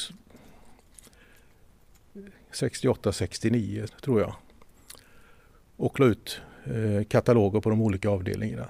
Och eh, sen skickade han över det här och sen ibland kom han hit och hämtade, ibland åkte jag till honom, ibland träffas vi halva vägen i Grästorp och lämnade över det här. Och det var för sådär 10 000 kronor varje gång då. Eh, och när vi köpte dator här och skulle lägga upp alla kunder då så tyckte jag att han skulle ha nummer ett. Jag tyckte det såg lite futtigt ut att vad är det för företag som har nummer ett? Så, så att han fick kundnummer 2001. Så vi började på det istället. Då. Och han är fortfarande kund. Så att han var här för några månader sedan och, och vi pratas vid lite grann då. Och han sa alltid då när han kom att ja, år 2001, det var mitt år då. Då var det 2001. Så ni har inga kundnummer innan 2001 då? Kan hända att det har slunkit in några stycken efteråt här då men eh, det var tanken då att det skulle börja på 2001 för att det, det, ja, det såg ju lite bättre ut än att du hade kunder som hade kunder med 13, 14, 15 och så vidare. Vad är, vad är, det, här, vad är det här för ett litet företag som inte har fler kunder? längre upp. Och där borta var det, vi hade lager i fem olika rum. Det sjätte så packade vi då. Och så eh, hade vi gråa plastbackar. Först plockade det som fanns då till kunden i rum ett, och sen två, tre, fyra, fem och så packade vi det sjätte. Och på den tiden så var ju allt mot postförskott och vi såg allas bara skriftliga order. Så att under egentligen alla år innan vi fick kundtjänst här så var det bara skriftliga beställningar som gällde. Jag tyckte att jag ska inte sitta här en tio minuter, en kvart och skriva ner ordern åt kunden. Det, det, det har jag inte tid med. Mm. Och det gick bra. Och sen var det kul att se på den här ordersedeln att ja, det var ju en handstil där och så var det en där och en där och en där då. Och de här låg alltså på 20 orderrader i snitt. 1200 kronor var snittvärdet på det så det var, det var bra beställningar. Mm. Och då klarade vi två, hade vi, gick det riktigt, riktigt bra så klarade vi 250 order på en dag. På det här sättet. Och sen byggde vi då det lagret där nere och en rullbana som startade på andra våningen och då skulle den klara 1200 försändelser om dagen. Och då tänkte sexdubblar vi det här nu då, det, det kommer vi heller aldrig att behöva ha något annat för. Men sen kom internet och sen började folk då att eh, ja, det var lite snabbare leveranser och, och när CDn och det här kom så kunde den ju, gick ju skicka som, de gick ju skicka som brev upp till ja, ganska mm. tjockt då, bara gick in i brevinkastet. Och då blev det att då började folk att köpa eh, Ja, man köpt, var och en köpte, gjorde sina beställningar och, och fick hem i brevlådan. Mm. Och då räckte inte de här 1200 till längre. Eh, utan då blev det ja, 2-3 tusen om dagen istället. Då. Och jag tror rekordet var någon gång innan jul när vi jobbade lite extra också. Vi, vi klarade 7, 7000 en dag. Försändelser. Ja. Och idag ligger det på runt 1000 per dag då, ungefär. Hur, hur stor del av era kunder eller hur många besöker butiken här i Fåglum? Eh, säg varje månad, varje vecka eller så? Hur, hur många vet jag faktiskt inte. Vi säljer för några miljoner i alla fall per år då. Men det har också minskat. Eh, man har lärt sig att även om du bor i Vårgårda eller till och med i Nossebro som är 8-9 kilometer härifrån så är det mer lönsamt att skicka efter det. även om du får betala ett par tior i, i frakt så är, är så, så, så är det billigare i alla fall. Och speciellt nu när drivmedelspriserna är som de är också. Då, så. Men eh, det kommer lite med, då är det ofta så att man köper någon retro-stereo eller lite mera, mm. Lite större grejer då. Har pandemin påverkat eh, er någonting? Ja, det, vi har ju räkenskapsår först i femte till 30 fjärde och det som var då till 30 fjärde för, förra året och det var ju en ökning med kanske 20 procent ungefär. Eh, även fram till jul var det väldigt bra här. Nu efter jul har det minskat något. Det beror väl på elpriserna, det beror på drivmedelspriserna, det beror på osäkerheten i Ukraina tror jag. Folk börjar att... Ja, man har annat som kanske man fokuserar lite mer på. Eh, vi säljer ju lite andra produkter också. Något som har gått väldigt bra här så är det världsradio. Det säljs i mängder folk vill ha och speciellt det finns en solcellsdriven och den finns, är inte leverans på förrän i juni tror jag nu då, men den har varit stor efterfrågan på utan att vi har gjort någonting. Mm. Så att, tiderna förändras och, och försöka att anpassa sig därefter. Mm. Mm. Då går vi vidare. Vi följer med här i korridorerna. Mm. Det är betydligt större än vad jag hade föreställt mig. Ja, visst.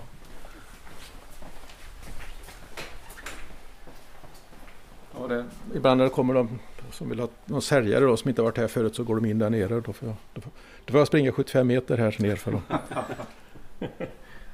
och möta dem. Detta rummet har vi allra mest omsättning för här kommer alla ingående leveranser och alla utgående. Så att, så att posten är här eh, två, två gånger per, dag, per dag då och hämtar.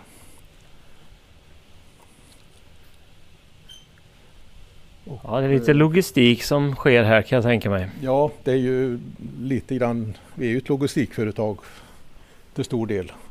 Så att den här banan då som startar på andra våning då. Den, den går inte hela dagarna men eh, några timmar om dagen går det. Och det är de lite större försändelserna, lådorna då. Så att man fyller upp lådan där med lite papper och sen går det vidare till tejpmaskin och de större lådorna bandas här också då. Det ser nästan ut som en sån där, eh, ett sånt där band som man ser på flygplatser där man ska hämta ut sitt bagage. Det är så här det går till när det ligger papper i paketet. Det är en sån här automat helt enkelt. Ja, Här spottas det ut. Ja. Vart har vi kommit nu? Nu är vi på vårt stora lager som byggdes 93 då här är alltsammans samlat. Tidigare hade vi det utspritt i minst fem olika rum och så packade vi det sjätte då. Eh, det blev inte så speciellt effektivt. Men eh, när vi körde igång det här då 93 så var tanken att eh, det var väldigt mycket paket. Och vi hade en rullbana som startade på andra våning och den klarade 1200 försändelser om dagen. Sen eh, när CD och DVD kom och man kunde leverera mindre paket eller brev som det hette så hade banan spelat ut en del av sin roll. Vi använder den fortfarande några timmar om dagen men, men eh, annars är det att vi plockar manuellt och eh, personalen här går runt med en vagn som, samtidigt så plockar man allt ifrån 20 till 40-50 beställningar samtidigt. Sen ställer man sig och eh, vikomslag och lägger om det här och det går ner i container som posten hämtar två gånger om dagen härifrån. Ja, här finns både det ena och det andra. LP-plast, skyddsplast har vi sålt under väldigt, väldigt många. Vi har inte, jag vet inte hur många miljoner vi har sålt men för, för, förvår, slutar aldrig att förvånas över det här att, att det går att sälja sådana kopiösa mängder. Jag är nog skyldig till någon liten eh, paket Ja. tror jag. Ja. Själv skulle jag behöva ett hundratal till. Ja, det är samma här. Det, det saknas alltid till skivorna. Och det är lite kul också det här med att det är en leverantör som heter PF Samson, eh, Freddy Samson i Gnosjö, som har en liten fabrik och gör sånt här. Eh, så får man det på två månaders leveranstid ungefär. Och han har varit med här, jag tror han fyllde 85 år, men han är fortfarande aktiv och kommer ut och hälsar på här och han levererar i regel också. Han har en liten pickup då, så levererar han samtidigt som han kommer in och, och pratar lite. Men ni är en stor kund för... Ja, hos honom? Jag tror, jag tror inte det är så jättemånga mer som säljer det här egentligen. Och vi har ju även för 7-tummar och för CD och, och, och jag tror han har lite in, innekonvolut och sånt också. Så att, eh, Har ni sådana här bra avskiljare om man eh, försöker ha ett system för att sortera sina skivor i bokstavsordning? Eh, jag- Ja, en- eh, kartoteks för LP-skivor. Jag har gjort någon variant själv hemma som är sisådär men jajamän, det har vi både för LP och för 7-tums. oj, det har jag missat. Jag får gå in och läsa lite bättre på hemsidan. Ja, det, du får leta, leta på skivtillbehör tror jag det står under. Tar väl alltihopa då. Vi går upp på andra våning här. Vi ser hur det Vi följer efter här. Som jag sa förut så är det väldigt mycket då som kunderna beställer som är ett ex utav bara. Och det har vi fått plocka bort de här stora hyllorna som vi haft förut och ställa här istället. Samtidigt så ställer de upp dem så är de nästan bortplockade innan dagen är slut då. Men det är ju också att det är ett fördyrande sätt att sälja egentligen. Att kostar det säg 5 kronor och hantera ett ex Får vi hem 10 ex istället samtidigt och samma så kostar det kanske 10 kronor totalt. Då blir det en krona per styck istället för 5 kronor styck. Men har de låga fraktpriserna ut till kund gjort att det är, har gått åt eh, fler små beställningar? Att det fler beställningar men mindre beställningar? Eh, Ja, idag är snittorder på, vad kan det vara? Tre... Någonstans mellan 350-400 kronor. Så att, eh, och vi har ju en hel del produkter som inte kostar så jättemycket heller. Vi har ju från 10 spänn och uppåt egentligen då. Men eh, självklart skulle vi väl att alla köpte för 2000 spänn. Men vi får nöja oss med det, det som är helt enkelt. Som sagt, här uppe har vi de lite mer skrymmande grejerna då. Nu har de, ser jag, kortat av den här banan lite grann då. Men eh, det som har varit väldigt stort för oss det är ju den här typen av spelare. Mm. Eh, köpte vi från, köpt från Kina då. Och eh, jag tror vi sålde då för några år sedan mellan 3 och 4 tusen per år. Och sen kom eh, den här kemikalieskatten. Eh, jag vet inte hur många år sedan det är nu men det är fyra, fem år sedan kanske. Första juli vet jag att det var det året i alla fall. Och då hade ju då regeringen räknat ut att det var 8 kronor på varje mobiltelefon. Men man tänkte ju inte på att en sån här hade också ett kort i sig. Och då gick det efter hela apparatens vikt. Och då var det 320 kronor. Det var maxbeloppet på varje. Så då fick vi beställa, beställde vi 5000. Och sen var det, eh, var det blockad eller strejk i Göteborgs hamn. Så de kom ju inte dit. Då hade vi fått hem dem första juli. Då hade det kostat oss en och en halv miljon i extra skatt helt enkelt. Eh, så att då fick vi, då stod de alltså i Rotterdam i hamnen.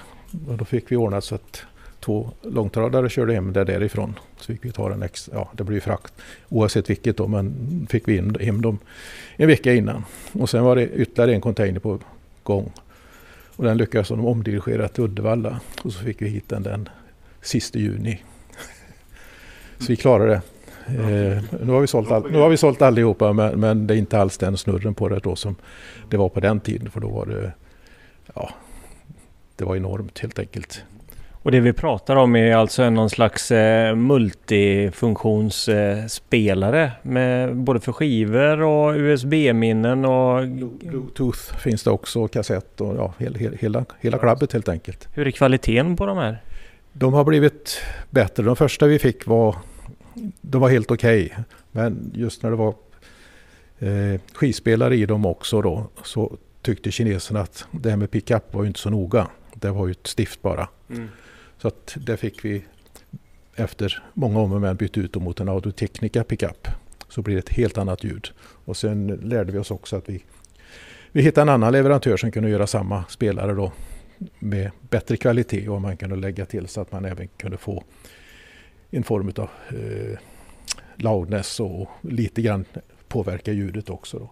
Så att jag tycker de låter, de låter helt okej okay, de här. Det är ju inga hifi-apparater kanske som en stereo för 20 000 eller så. Men, men många tror jag köper dem nästan som lite prydnad och så har man lite gamla vinylplattor som man lyssnar mm. på lite då och då. Men det, just det här med retrogrejer, det, det började för, ja, kan det vara, tio år sedan. Eh, då var det att vi hade en bärbar spelare som man hade på ja, slut på 50-talet, början på 60-talet. En gul sån här låda med handtag på. Jag tror att eh, något, någon morgon-tv hade köpt en sån utav oss. Och så gick, åkte man ut till olika artister med den här och så spelade man någon skiva. Och så började det sprida sig då att fick vi se att vi hade sålt var det 95 stycken på en månad. Och då kom vi på att aha, retro kanske inte är så tokigt. Så vi fick i kontakt med, med ett litet företag här i Sverige som hade, några, hade 20 stycken jukeboxar. Och vi sa att vi, vi får prova att lägga ut det här. Så vi la ut det dagen före julafton det året. Och de här 20, vi sålde en om dagen ganska exakt. Så de här 20 tog slut på tre veckor då. Och då kunde vi beställa ifrån Kina. Men då fick man beställa 40 fots container och det var 360 stycken. Mm. Och så tog det väl fyra månader.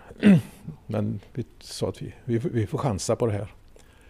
Och vi hade sån tur att när de här kom in så hade vi sålt alla 160. Så att vi tog hit posten med en bil och så ställde de av containern och så gick halva personalen ut. Så hade vi kört ut eh, adressetiketter till allihopa. Satte på adressetiketten bara över till postbilen. Det tog en timme så hade vi fått iväg allihopa. Wow. Det var, den, det var den mest lönsamma dagen i Ginsas historia. Ja. De heter inte Roadstar utan de heter Retroline då egentligen de som vi hade. Men att nu, det finns andra här i, i Sverige som har tagit in de här och vi köper en del den vägen idag. Då. Sen var ju det här eh, vårat, ja, det är vårat lager och det har vi försökt maximera utav vad det gäller effektivitet och så vidare. Vi hade, vinyl hade vi bara på andra våningen här förut men i och med att det har blivit så stort så har, det blivit, har vi flyttat ner det i möjligaste mån. Eh, det här kompaktlagret här det var några veckor försenat när vi hade byggt det här och då hade vi ställt upp 150 pall här tror jag. Nej 50 pall. Och då var det nästan fullt. Då tänkte jag att nu har vi byggt för lite i alla fall. Men så fick vi hit det här lagret och jag tror vi fick in 150 pall här istället.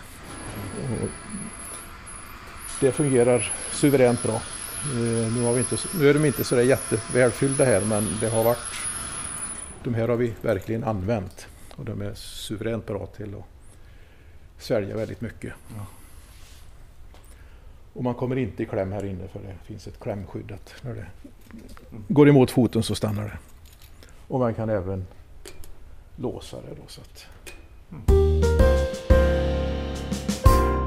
Vi har ju en målgrupp som är ja, kanske nästan säga 50-55 plus då. Mm. Så där når vi männen. Eh, de köper ju retro, de köper fysisk musik då fortfarande. Och sen annonserar vi då i Allers tidningar och då når vi kvinnorna istället med musik och film kanske. Och de är, det är också en lite äldre målgrupp då. För det, det är de som idag som fortfarande köper de här produkterna som vi har helt enkelt. Det, det är bara att inse. Att det är så. Har ni någon statistik över liksom snittåldern på era kunder? Eller har något, något liknande? Vi delar upp dem lite grann att katalogkunderna då, de står för ungefär en tredjedel av omsättningen. Eh, men de köper, varje kund köper två, nästan tre gånger så mycket som den som inte har katalog. Mm. Och jag tror att katalogkunden var 57 eller var 59 i snitt. Medan den som inte har katalog var 5-6 år yngre. Så det, vi, har en, vi har en relativt gammal målgrupp, det har vi. Eh, sen finns det ungdomar som köper vinyl också, men det är inte, inte lika många. För, för dem är det mera vad ska jag säga, kuriosa, något, något nytt som eh, tycker det är lite häftigt kanske att jaha, det finns det finns sådana här saker också som man kan lyssna på. Sen är det ju ett bättre ljud på vinylen och det har väl en del upptäckt. Det är ju som diabilder på vad det gäller foto att det blir en betydligt bättre bild på en diabild än med en digitalkamera. Ja, de här tre ungdomarna i podden gillar ju vinyl. ja. ja. Ja, men det är något speciellt att eh, sätta på en vinylskiva och sitta och, och, lyssna aktivt snarare än att ha på någon streamad musik i bakgrunden sådär. Man kan ju ha både, både och egentligen men just när man vill mm. lyssna kanske riktigt då, och just kunna läsa lite om det. Och mm. det, det är som Rune då som skriver mycket utan han säger att får, vinyl, får en vinyl i min hand säger han att man kan ju till och med lukta vinyl. Mm. Ja, precis. Ja. Sen få förmånen att vända sida, läsa ordentligt. Man kanske fortfarande behöver läsglasögon och läsa texterna. Men, ja. men också där, lyssna på produkten på skivan som den var tänkt. Ja. Sen är ju vinylen som pressas idag, den är ju i regel 180 grams också. Så mm, de är ju betydligt bättre på... Ja, förra gången de var populära då var ju väldigt mycket tunn. Och vet när jag hade butik här, det var ju Mm. Mer regel än undantag att på som, sommaren så kommer man tillbaka. Skivan är ju vind och sned här. Ja, 80-talet var den ju väldigt... Lagt den i hatthyllan i bak på bilen. Det är klart att den blir... Och många, man är väldigt noga med ljud idag också. Man gör så här half speed remasteringar och man gör eh, LP-album som går på 45 varv och så här också. Och det, det var någon som jag köpte så som går på 45 varv att jag upplevde att man hörde saker som man inte hade hört innan. Fantastiskt ljud. Eller ja. inbillar jag mig? De är duktiga på att göra om. Eh, så det är klart att det finns ju fördelar med det här också. Jag säger gör man ju om idag jubileumsutgåvor och så hittar man lite gamla låtar, alternativa tagningar och sådär. Mm. Så att, eh, men Svensson kanske inte köper dem där riktigt men den, den som har intresset kan väl grotta ner, i, grotta ner sig i det här och, och ja, lyssna på att Beatles gjorde den här i 14 olika tagningar och det lät det lite grann så och det lät det så. Och, ja, Mm. det, det är nästan att vara lite detektiv för att hitta de här felen eller skillnaderna som är i de olika inspelningarna. För det var ju också på 60-talet, då, det var ju en tagning oftast. Mm. Det tyckte jag var ja, det, blev ju, det var äkta och det var spontant på något sätt.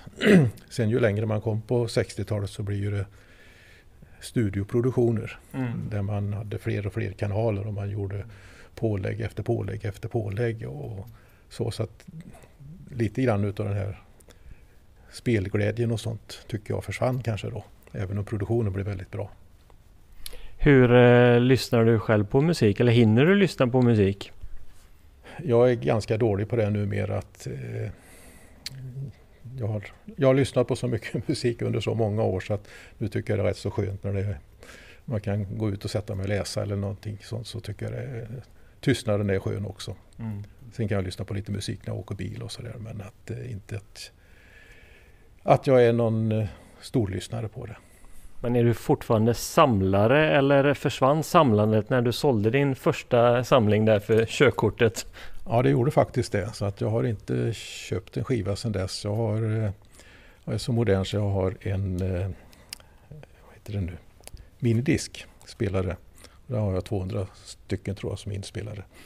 Med, lite, med sån musik som jag tycker är bra. Och det, det varierar ganska mycket. Att det är dansband, pop, melodisk hårdrock. Eh, och sen gjorde jag om lite grann hemma i huset och då var jag tvungen att flytta den här möbel, eller stereobänken. Och sen, det är väl ett och ett halvt år sedan nu, ett år sedan i alla fall, så jag har inte orkat plocka ihop stereon igen för jag tyckte det var så mycket, mycket kablar och grejer och högtalarna tog så stor plats och det så att eh, eh, det har fallit lite grann på det. När du sitter där och läser kanske du ska ta dig en Ginsa-katalog då och bygga upp samlingen igen. Nej, jag tror inte det. Eh, det är, jag, jag lyssnar inte på Spotify heller utan det, det blir lite grann på radio helt enkelt. Och sen lyssnar man på någon skiva på jobbet som är som man tror är bra eller tycker det kanske kan vara bra. Och det kan vara intressant att se någon. Ja, det finns ju en hel del som gör, har tagit en paus ett antal år och sen gör man något nytt. Så kan det vara kul att höra hur, hur det låter idag då kanske. Om några veckor framöver så får du ju tillfälle att kanske lyssna på det här också. Ja, det blir en skräckblandad upplevelse. Jättebra tycker vi, eller hur? Absolut. Spännande. Absolut. Är det någon, eh, någon låt du känner att du vill höra i vårt program? Någon önskelåt? Eh, ja, Final Countdown med Europe tycker jag är en väldigt bra låt faktiskt. Hela det albumet är bra. Ja, sen är det ju fortfarande då sen 60-talet att Cliff Richard och The Shadows tycker jag fortfarande eller gjorde väldigt mycket bra då och de har ju varit så snälla så att de har gjort nyinspelningar på alla hits också.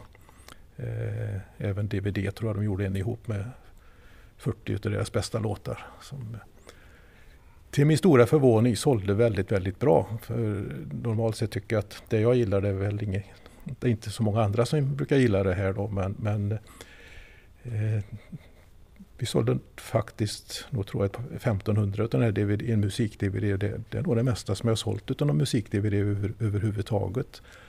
Och varför det blev så, det vet jag inte. Så att det finns väl fler med så bra musiksmak som jag antagligen. Är det någon speciell låt där som du tänker på? Nej, de har gjort så många bra så att eh, Shadows är väl, eh, ja, vad ska jag säga, Atlantis till exempel. En sån där som kommer ihåg sen 60-talet och som de har gjort nyinspelningar på då. Och det är ju lite, jag vet att när de gjorde någon sån här reunion skiva då, Cliff och Shadows. Och det är ju sånt som går att göra idag fast de, att de är utspridda medlemmarna över halva världen. Jag tror Hank Marvin bor i Australien och Cliff Miami mestadels och sen är väl var det väl Brian Bennets son Warren Bennett bor i England som producerar. Men det är ju bara att spela in lite här och så skicka vidare och så lägger man på en gitarr och så lägger man på lite sång och sen får man en, en färdig platta. Men eh, om man tittar på verksamheten här på Ginsa och sådär och den förändringen som har skett under 50 år. Hur ser du på framtiden för Ginsa?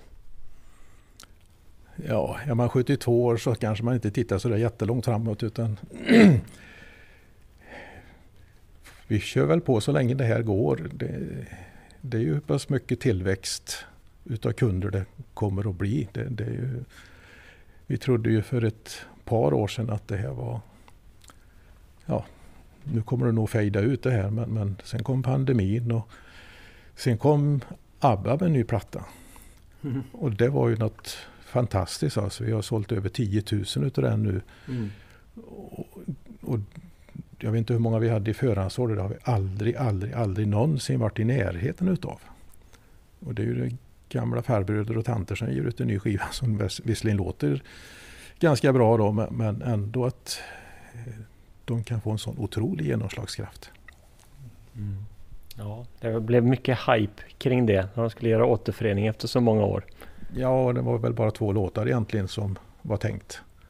Men sen blev det ett helt album och det höll på att knäcka skivbolaget med de hade ju jätte, jätteproblem med leveranser utav eh, vinylerna.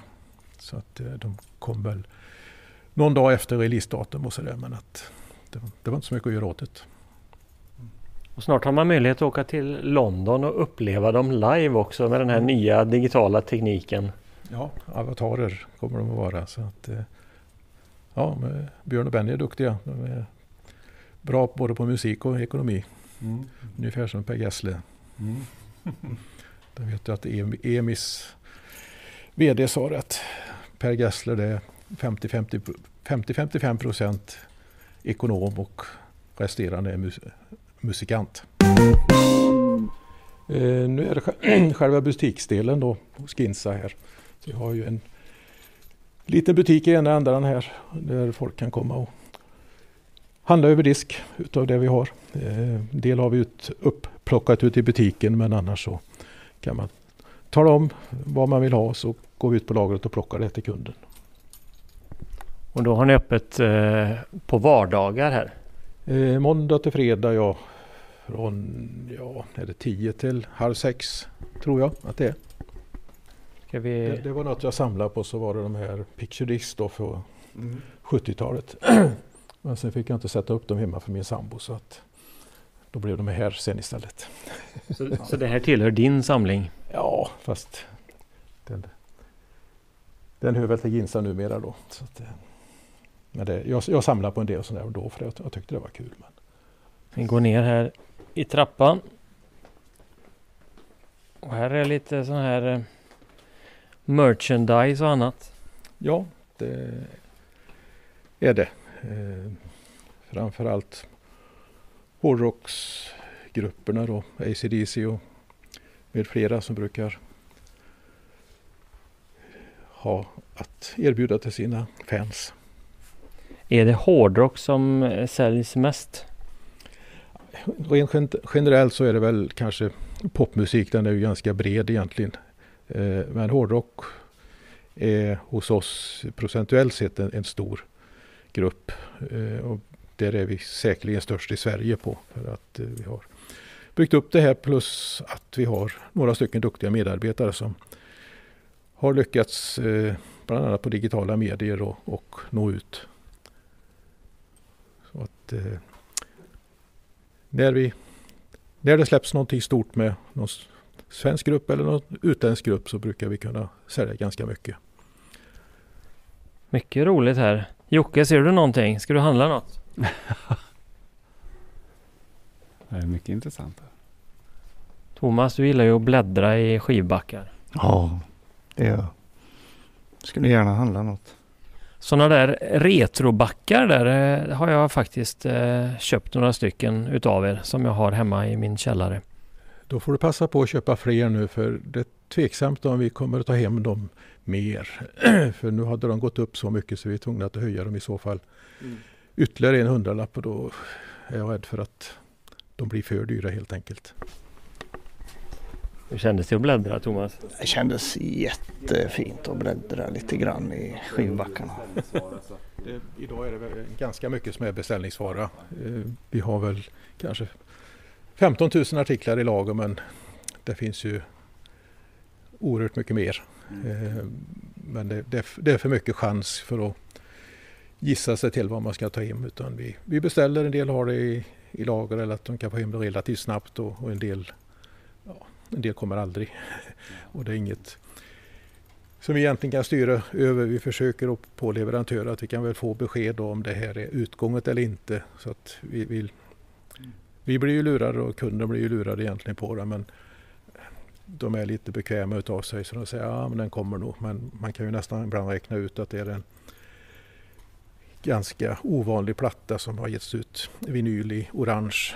Inte 17 pressar de upp den i 500 x igen en gång utan då kan de lika gärna vara ärliga och säga att den, den kommer aldrig komma.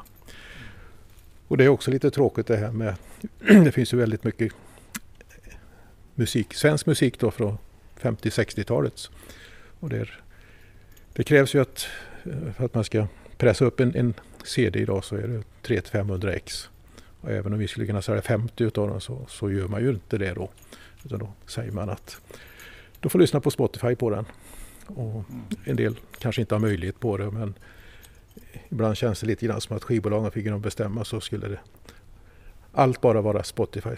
Att man slapp det fysiska för får man sina avräkningar automatiskt. Man behöver inte göra någonting egentligen för streamen, det som streamas då. Eh, film har ju också blivit så att eh, det är ju lite annorlunda att där köper man rättigheterna till en film och sen har man då ett, säger, ett fullpris på den i början för att tjäna in de här eh, pengarna som man har betalat för. Och sen kan man då sänka den för att då har man ingenting i övrigt att betala utan då är det egentligen bara produktionskostnaden och den är ju inte, är inte speciellt stor för en film. Men nu börjar man en del tycka att det här är också jobbigt och besvärligt så att Nordisk Film till exempel släpper de någon film i fysisk form idag då får man beställa om vi vill ha 300 x och så frågar de den och den och den hur många vill, vill ni ha? Och så kör de upp 1200 stycken och så skickar de ut dem. Och sen finns det ingenting att beställa mer. Mm. Disney är på väg likadant och gör att de ska inte ha något fysiskt utan man beställer när det är, det är något nytt och sen that's it. Sen får man kolla på Disney Plus då? Ja, ja, och, ja det är dit man vill, vill egentligen att slippa det här, de fysiska produkterna. Men det, det är ju så gott att liksom ha ett fysiskt exemplar, äga någonting på något sätt. Som nu när eh, Neil Young drog bort alla sina låtar från Spotify. Då sitter man där med skägget i brevlådan och inte kan lyssna om man inte har ett fysiskt exemplar. Joni Mitchell gjorde väl samma. Ja. det märktes dagen efter redan på de här att även om det inte var mycket så började de sälja fysisk form. Så att eh, kanske behöver, behöver vara mera sånt. Mm. Ja, det, det, gäller som det är idag i alla fall att ligga ja, på båda. Lilian håller på att ge ut gamla inspelningar nu. Det kommer väl en till här i april tror jag. Så att, eh, och då får man förhandsboka den hos er? Det går alla, alldeles utmärkt. Ja. ja. Han ska väl ihop, ihop till sin pension nu. Då släcker vi ner här. Man kan ju tycka att artisterna kanske skulle få lite större del ja. utav eh, kakan också ja, så, som så, Spotify. Att man minskat det lite grann nu. Eller minst skivbolagen får kanske lite mindre och det är möjligt då att den här halvprocenten att artisten får den kanske istället då. Ja. Är det 0,7 procent eller? Per streaming tror jag. Så att det, och sen så det delas mellan upphovsmän och bandet och skivbolaget då. Så det gäller att det blir några stycken. Ja, man får sätta streaming på repeat hemma så att det går många gånger. Ja, det har de kommit på också att en del gör det och då ska, ja, då ska det räknas bort på något sätt. Eller reklamationsavdelning. Mm -hmm. Kommer tillbaka lite outlöst och man har ju idag två veckors ånger. Och vi får inte plombera en CD-skiva. Kunden har rätt att bryta den. För det är så med alla varor. Eh, då drar man allt över en kam. Eh, egentligen var det väl för det här med mobiltelefoner och datorer att leverantörerna sa att de får inte bryta förpackningen men då kan ju inte kunden heller se vad det är för något.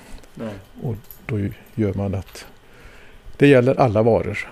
Så att eh, vill man så kan man egentligen köpa och lyssna och skicka tillbaka. Men vi har, det är inget stort problem. Men vi har, vi har ju lite koll på det om det är kunder som Så man skulle kunna beställa en LP-skiva då, så spela in den på kassettband och skicka tillbaka. Ja, i princip så skulle man det. Ja. Men nu har ju det på tejp här så att nu vet jag ju om det kommer någon, någon beställning ifrån Trollhättan här på det. Så. Det var inte så smart. Här är en hel hög med Ginsa-kataloger. Ja, det är det. Hur ofta kommer en katalog om året? Eh, fram till nu så har vi haft åtta per, per år. I år blir det sex eller sju. Mm.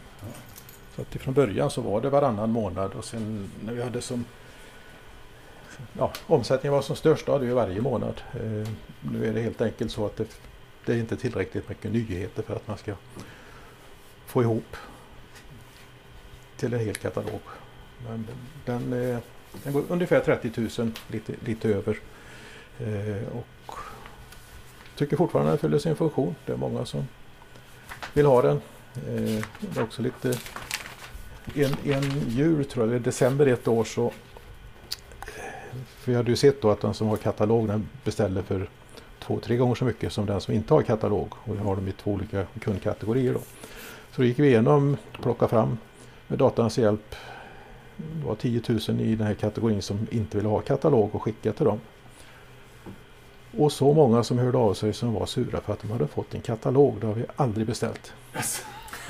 och det var inte att man kunde kasta. Och det var säkert mellan 100 och 200 som hörde av sig. Bara detta att vi har fått en katalog som inte jag har beställt. Provocerande. Ja, det var inte alls Det var inte bra. Men hur är, kan du rekommendera det här nummer två 2022? Är det, är det ett bra nummer? Ja, senaste i alla fall. jo. Näst, nästa är klar om tre veckor ungefär, eller fyra. Ja. Får kolla i den här när vi kommer hem. Vill ni ha lite kaffe eller? Ja, jättegärna. Eller? Säger ni? Ja, absolut. Kaffe?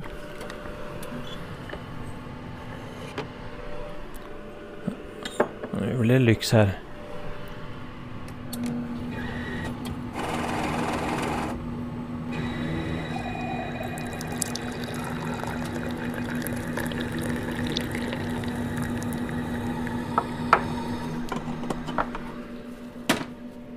Det blir en god kaffestund här på i i Ginsas personalrum.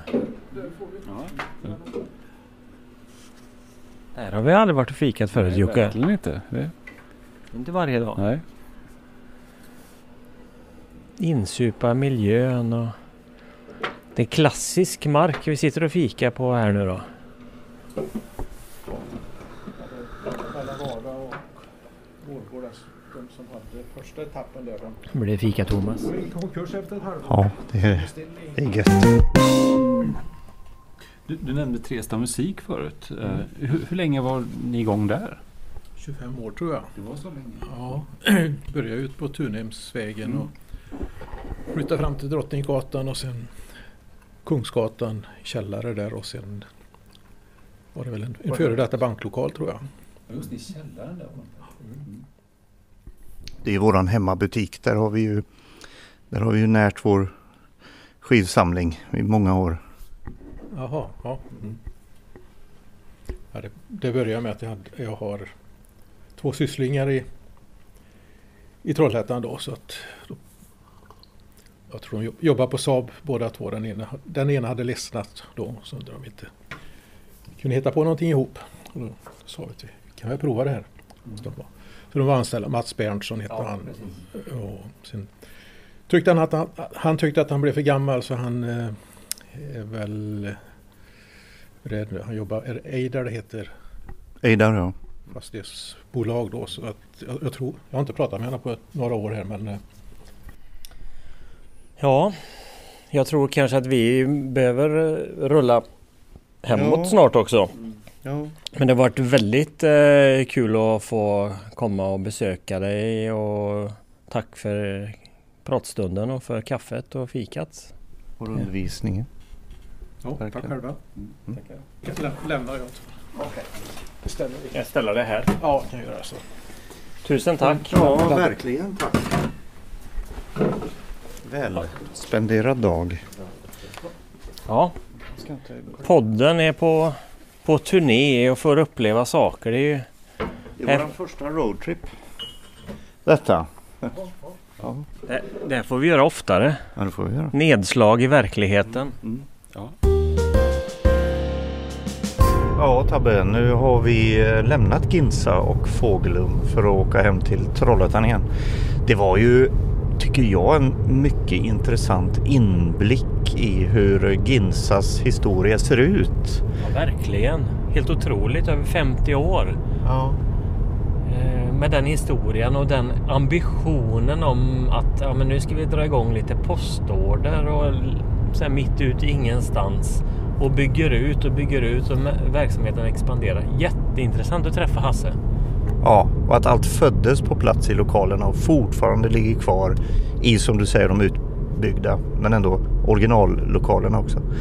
Och där ligger så mycket, så mycket kultur i lokalerna och skivor förstås, men även annat. Ja, man känner ju verkligen det att eh, man kunde se framför sig en arbetsdag eh, med när det är fullt i butik. Ja, fullt. Det kanske inte är jättefullt, men när det är lite folk i rörelse som håller på och sorterar, planerar, skickar ut och jobbar med det där. Eh, jätteintressant och jag hoppas verkligen att verksamheten kan få leva kvar in i framtiden också för det fysiska formatet känns ändå viktigt. Ja, men det är ju många ändå som, som kanske vill ha det. Även kommande generationer kanske vaknar ett intresse. Eller även för kommande generationer kan det ju eh, vakna eller fortsätta vara ett intresse eh, för vinyl till exempel och så. Rätt mycket dansband där inne i och för sig. Ja, det var ju inte, det var inte kanske riktigt våran bag eh, allting i historien där. Så Det var inte, inte kanske musiken som, eh, som, som producerades eh, kring detta och så kanske inte våran stora grej någon av oss så men, men eh, just det här att det kretsar kring musik och skivor överhuvudtaget hela den världen, hela den, hela den eh, delen av eh, eh, ett musikintresse att lyssna på musik på det sättet. Att köpa skivor, vinyl och CD. Jag menar, vi är ju själva alla uppväxta med det. Det är ju så vi har konsumerat musik till största delen i våra liv. Och fortfarande till viss del då. Tror du på en eh, återkomst för CD-skivan då Tabbe? Alltså jag har ju svårt att se det men det är ju CD. Ja, de märker till skämtet. Mycket roligt. Det är roligt. Eh, Men eh, det, det är många som säger det att den kommer att få en revival. Jag vet inte, jag har väldigt svårt att tro det. Men å andra sidan, vem kunde tro det om vinylen? Ja, Men jag hade gärna hunnit bläddra lite mer. Men Hasse hade så mycket intressant att berätta. Så det var svårt att slita sig. Men få åka hit till Ginsa en annan dag och bläddra lite mer i backarna och sådär. Kanske ha ett mål med eh, att handla lite. får markera lite i katalogen så plockar du med dig den till butiken vet du väl. Ja, då är vi framme vid eh, byggnaden Rolken här i Essunga kommun. Och vad gör vi här då? Jo, men här ska det ske någonting nu alldeles strax. Här ska det ske nämligen att Jocke som befinner sig i bilen framför, som just parkerar, ska göra rycket. Ja, för nu gör vi en liten avstickare och ett uppehåll på vägen hem här då. Ja, just det. Ska vi se. Hej Jocke, var har vi kommit nu då? Nu har vi kommit till eh, sommarpanget. Wow. Ja. ehm, Och vad ska hända här i mars? Just nu alltså. slutet av mars. Ja. Nu ska vi rycka.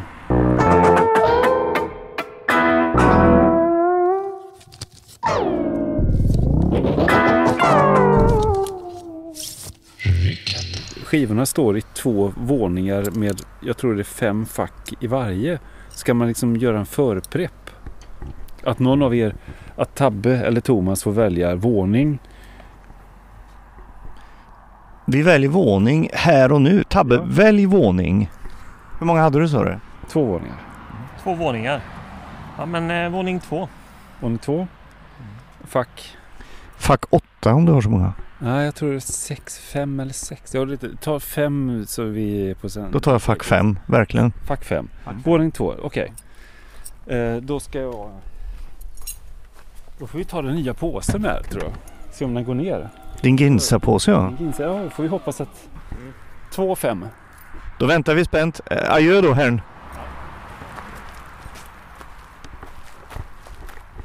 Vi promenerar här på, nu ska vi se. På tomten. Nu ska vi se. Jocke, vad har hänt här nu då? Ja, nu är det ryckt. Det ryckte klart Yes. och vinylen gick ner i nämnda påse. Den passar perfekt. Det går i en halv back vinyl i den här. Då kan vi lägga vykort på utsidan här också ser jag. Så vi står här nu i slutet av mars. Ehm, solen, jag ska inte säga att den gassar, men den är, den är värmande. Eftermiddagstrevlig. Ja, precis. Eh, och vi har precis gjort ett instruerat ryck kan man säga. Det är en liten ny variant. Men den här punkten är att i en påse håller jag nu eh, en, eh, en vinyl. Ni ser inte vad detta är. Och Thomas och Tabbe ska respektive välja sida och spår. Det är alltså en skiva ifrån din personliga samling som eh, vi inte har en aning om vad du har ryckt slumpmässigt ur din eh, samling idag. Styrd slumpmässigt. Så ja, om jag väljer eh, sida, är du beredd att välja spår då Torbjörn? Så kan, så, ja så kan vi göra. Då är det ju så att jag väljer sida 1 idag. Sida 1. Sida ett. Är det en eh, vanlig enkel LP eller? Eller maxisingel kanske? Nej säger han. En LP är det alltså. En, en LP. Sida ett sa du. Mm. Eh, då väljer jag, jag vet inte hur, hur många spår det är men det skulle vara lite kul om det fanns spår nummer fyra. Kan, kan det vara så? Ja, det är en lite okändare. Ja, men det finns spår nummer fyra. Ja. Ja. Då får du nästan avslöja vad, Då det, blir vad, det- vad det blir. Oh, du har den på vinyl! Fantastiskt! The Go-Betweens. Ja, jag vet vad det är. inget fuskryck. Nej, det var, det var ett fint ryck tycker jag. Liberty Bell and the Black Diamond Express. Säg någonting om din relation till den här skivan. Jag, jag kommer faktiskt inte ihåg. Den är, den är köpt 1986, 23 maj 1986 på skivmagasinet för 75 kronor. Det I är Trollhättan. Och det, markerat. etiketten är kvar, Ja. det är jättefint. Och den är tryckt i Sverige kan man se det va? Det är ett Sverigetryck, ja precis. Mm. Vanligt på den tiden kanske att man gjorde så. Och texterna är med på baksidan ser jag. Vilken låt blev det? To reach me. Och det, det kommer jag faktiskt inte ihåg vad det är för låt. Nej, inte det jag är lite heller. mer eh, okändare. Ja. Den får vi spela. The Go-Betweens To Reach Me från 1986 alltså. Ja, skivan är inköpt 86. Jag vet faktiskt inte när den är tryckt. Kan nog vara det året den Ja. kom skulle jag tro. Men det får vi ta reda på. Mm. Ja, den är tryckt 1986. Fantastiskt! Bra ryckt skulle jag säga. Väldigt bra ryck. Det var gött att få köra rycket så här ute i Guds sköna natur. Vi åker vidare på våran roadtrip då eller? Ja, Det gör vi. Ja,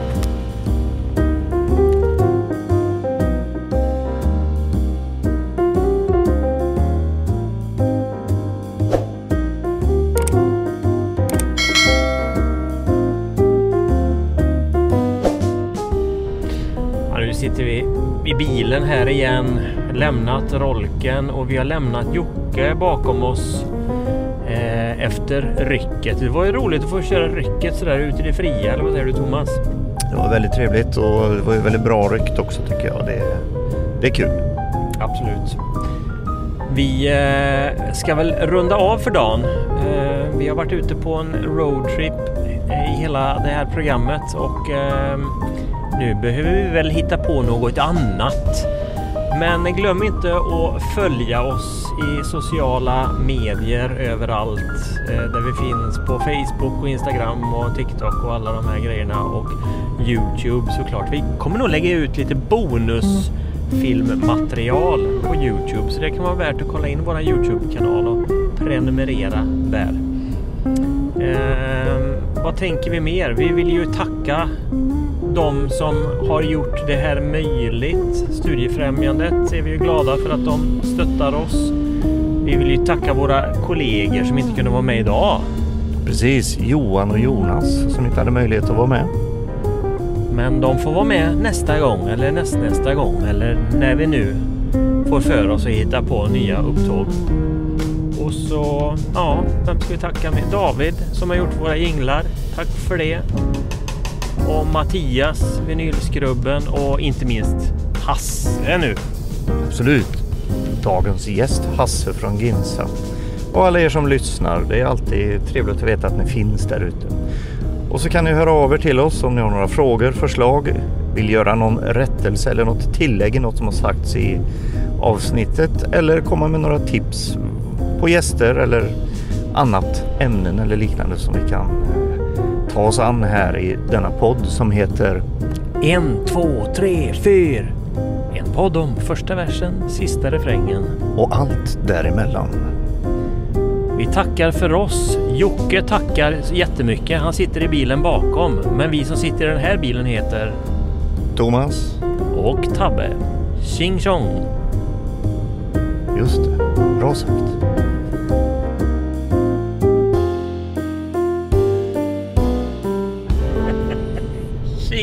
Tjong. Tjing tjong. Ah, två kaféer. Otroligt, jag är förvirrad. Och, och Hemköp har du här också. Ja, just det. Ja. Det finns även andra butikskedjor, ska vi säga. Nej. Det blir bra detta. Nu tror jag att vi kanske... Ska vi fortsätta igenom här? Det säger GPSen i alla fall. Ja. det ska vi. Och så ska vi... Där, där borta ska vi svänga av. Aha, vi ska åt det hållet. Ja, vi, det är inte varje dag jag åker till Fåglum kan jag säga. Nej. Eh, inte ens varannan dag. Ehm, Jag tror pausa lite nu. ja.